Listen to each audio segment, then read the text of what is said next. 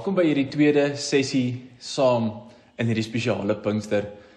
Dit het definitief sy voordele, die feit dat niemand in die koel weer hoef uit te gaan vanaand nie, maar ook sy nadele dat ons uitmis op geselsies oor hoe was ons dag gewees en wat ons alles gedoen het en uh, wat was die uitdagings gewees. Ek weet nie van julle nie, maar dit is wat ek in hierdie tyd mis is om net lekker saam tee te drink by die kerk.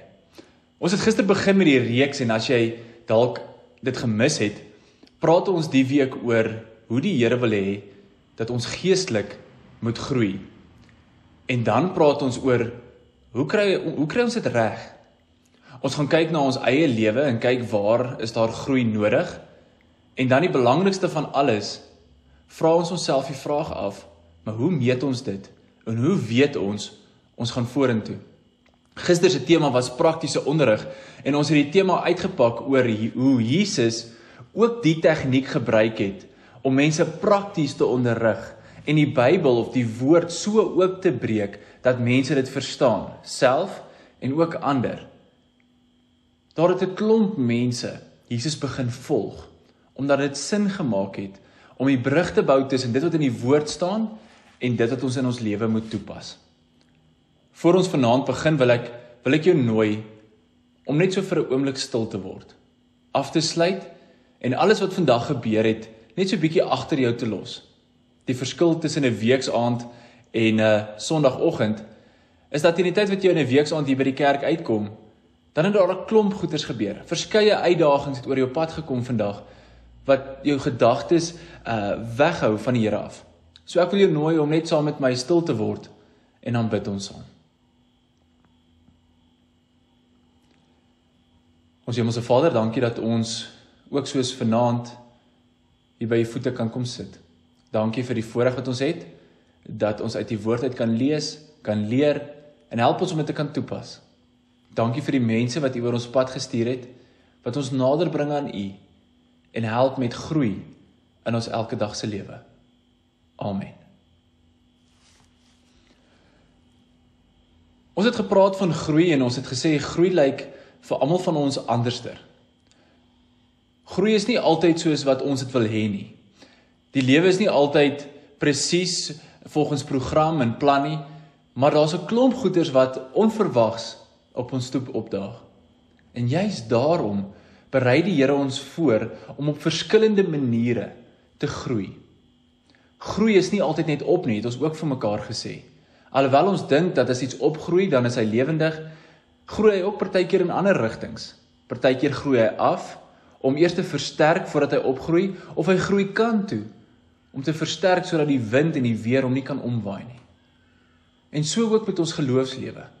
Ons geloofslewe groei in verskillende tye op verskillende maniere sodat dit kan aanpas volgens die lewe daar buite en dit wat ons nou toe gooi. Toe ons kind was, het my oupa met mielies geboer En dit was altyd die grootste speletjie vir ons as kinders om tydens die saaityd te gaan soek na daardie klein mieliepit. Daardie klein mieliepit wat baie sal word en baie mense sal voed. So is ek en jy ook geplant. Ek en jy is ook geplant om op verskillende maniere mense te bedien. Een klein mieliepit sodat baie mense gevoed kan word. Die Here plant ons en plant mense in ons lewe sodat ons ander kan voed.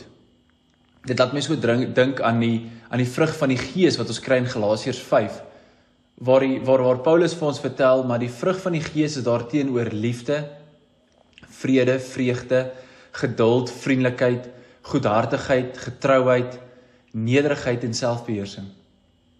Alles goeders wat gebeur in verhouding met ander mense.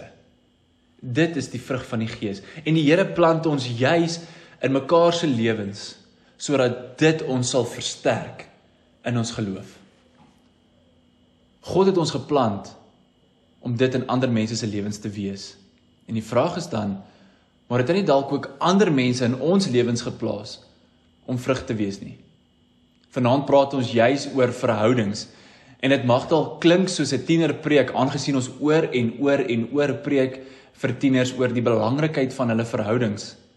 En tog is dit iets wat teenwoordig is in almal van ons se lewe elke liewe dag. Ons het 'n klomp verskillende verhoudings wat ons mee te doen het, of dit nou jou man of jou vrou is en of dit uh, jou vriende of vriendinne is, of dit dalk iemand by die werk is of by die skool is of familie is. Alles is verhoudings. Selfs daardie persoon wat op 'n Dinsdag of op 'n Donderdag jou vullis kom haal, het een of ander maniere impak in jou lewe en smeer af op jou. Is dalk nie 'n goeie voorbeeld om te gebruik in hierdie tyd wat ons nou is nie. Ons almal het daardie verhoudings en dit vorm deel van ons lewe en die uitdaging is dra jou verhoudings by tot die geestelike groei of belemmer dit jou groei. So vanaand se sessie begin ons met die volgende vraag. Wie was daardie persoon wat die belangrikste rol gespeel het in jou geloofslewe? Ons almal het daardie iemand in ons lewe of dalk nie meer nie, maar wat 'n ongelooflike groot rol gespeel het en heel waarskynlik die rede was dat jy tot geloof gekom het. Dalk was dit iemand wat jou gehelp het nadat jy weggevoer was weer 'n keer en en die Here verloor het en jou teruggebring het nadat jy en die Here dalk heel waarskynlik 'n meningsverskil gehad het. As jy terugkyk na jou lewe, was daardie persoon spesifiek in jou lewe geplaas om jou te help. En dalk het jy nie aanvanklik geweet wat was die rede gewees dat daardie persoon daar was nie. Maar dit was die manier hoe die Here in jou lewe gewerk het om jou geloof te verdiep. Dalk was dit nie altyd 'n positiewe voorbeeld gewees nie. En was dit 'n negatiewe rol gewees in jou lewe en het jou gedwing na 'n positiewe leefstyl omdat jy vir jouself gesê het maar ek is nie bereid om op dieselfde manier aan te gaan nie. Ons boodskap vanaand. Vloei jy juis uit gister se se boodskap uit waar ons gepraat het oor praktiese geloof en hoe daardie mense wat hulle hulle geloof prakties uitleef ook in jou lewe inbou en dit gebeur alles in geloof. Nou hoe lyk so 'n persoon as jy sukkel om hom te identifiseer of haar te identifiseer? Hoe lyk so 'n persoon wat heel waarskynlik oor jou pad gestuur is deur die Here? Daardie persoon is of was dalk iemand wat vir jou verduidelik het hoe werk God se liefde, gewys het prakties hoe lyk God se liefde. En op so 'n manier jou hart oopgemaak het en jou oë oopgemaak het vir die Here en jou geloof op so 'n manier laat groei het. So iemand is iemand wat jou dalk gewys het op jou roeping. Iemand wat jou gevat het na waar die Here jou wil gebruik elke liewe dag. Iemand wat vir jou gesê het, "Maar jy het 'n gawe, gebruik dit." Dalk is dit iemand wat op 'n afstand of indirek in jou lewe vir jou begin wys het en nader gebring het na die Here toe. Iemand wat jy nie dalk nou kan kan uitwys nie, maar iemand wat nog altyd net daar was en dalk net vir jou gebid het. As ons weer 'n draai gaan maak by daardie mense wat wat ons so na kyk en sê maar hoe kry jy dit reg om so goeie geloofslewe te hê? Dan sal hulle baie keer ook vir jou sê maar daar was so iemand in hulle lewe ook gewees. Daar was verhoudings in hulle lewe wat bygedra het tot hulle geloofsgroei, wat hulle oë oopgemaak het en hulle laat besef het maar dit is wat die Here van my wil hê. Ons almal het sulke mense in ons lewens. Een ding wat ons tyd vir ons bring en en die tyd waarin ons leef is dat ons met duisende mense te doen het. Of dit nou is by jou werk of in jou gemeenskap of by die kerk, ons almal het met 'n klomp verskillende mense te doen. Nie almal noodwendig eers jou vriende of jou familie nie, maar net mense. Of miskien is jy 'n sosiale vlinder en het jy 'n klomp kontak met mense op Facebook of op Instagram. Dalk volg jy 'n klomp mense en almal van hulle het op een of ander manier 'n invloed op jou lewe. Daardie mense smeer af van jou. Studies het al bewys dat jy word soos die 5 mense met wie jy die meeste tyd spandeer. Met wie spandeer jy jou tyd? En met wie wil die Here hê moet jy jou tyd spandeer?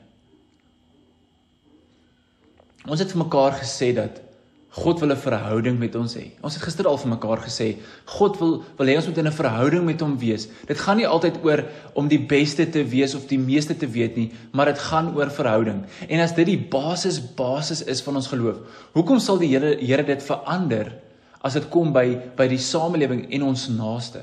Hy wil jy sê ons moet in verhouding met mekaar groei nader aan hom. Die Here vat verhoudings en mense in ons lewens nogal baie belangrik. En as jy dalk nie geweet het nie, kan ons net na vanaand se skrifgedeeltes gaan kyk en sien hoe die Here daarop um let om te sê maar jou verhoudings is belangrik. Ek gaan twee teksgedeeltes vir julle voorlees vanaand en en ek gaan dit ook aan die onderkant van die skerm opsit. Maar dit is teksgedeeltes uit twee verskillende uh, gedeeltes van die Bybel uit. Die eerste ene kom uit die Ou Testament uit waar waar waar die wysheidsgeskryf geskriftes vir ons leer en sê maar wees net versigtig. Kyk uit. En die tweede gedeelte is 'n gedeelte wat wat Paulus aan die woord is en Paulus vir ons eintlik maar dieselfde sê. So kom ons lees saam vanaand hierdie twee teksgedeeltes. Ons eerste ene kom uit Spreuke 13 vers 20. En is dit is dis kort en is kragtig en dis duidelik waar waar die waar die waar die slim manne vertel en en en vir ons en met ons deel en sê wie met wyse mense omgaan kry wysheid. Wie om met dwaases ophou word self sleg. Ek onthou toe ek klein was en my eerste groot mense Bybel gekry het, het ek Spreuke begin lees. Min wetend dat jy nie hierdie wysheidsgeskrywer sonder handskoene moet aanpak nie. Die teksgedeelte is dit duidelik dat die skrywer ons inlig en vir ons rooi ligte wys om te sê wees versigtig met wie jy jou tyd spandeer. Pas op dat jy nie dalk met die dwaases omgaan wat heel waarskynlik jou geestelike groei gaan belemmer nie. Maak seker dat die mense in jou lewe wat rondom jou is, wys is geestelik sodat jy kan groei ook in jou lewe. Die tweede gedeelte is dit Paulus uit die Nuwe Testament uit wat sy wat sy lesers ook herinner aan aan hierdie wysheid wat ons ook in Spreuke vind. In 1 Korintiërs 15 vers 33 sê Paulus die volgende. Hy sê: "Moet julle nie langer laat mislei nie. Slegte geselskap bederf goeie sedes." Nou waar wil ek uitkom vanaand? Hier is die twee vrae wat ek jou mee wil uitdaag. Die eerste ene is: Wie is die wyses wat die Here op jou pad stuur waarmee hy jou wil help groei? Ek dink dis nodig dat ek en jy moet gaan sit en kyk na wie's die mense in ons lewens wat 'n bydrae maak tot ons geloofslewe. Wat 'n bydrae maak tot die groei in ons lewe. En ook daardie vriendskappe en verhoudings koester sodat ons saam kan groei. Die moeilike vraag wat ons self ons wat ons myself moet afvra is die tweede ene en wie is die dwaases wat jy moet voor versigtig wees? Wie is die mense wat heel waarskynlik meer afbreek gaan maak as opbou? Dit klink woes en ek sê nie jy moet 'n klomp mense nou gaan aanvriend uit jou lewe uit en ek wil ook nie die rede wees dat 'n klomp familie skeer of jarelange vriendskappe nou opbreek nie. Hoor asseblief my hart vanaand as ek sê die Here verwag van ons om net seker te maak dat die mense met wie ons omgaan uitgekiesde verhoudings is wat ons help groei.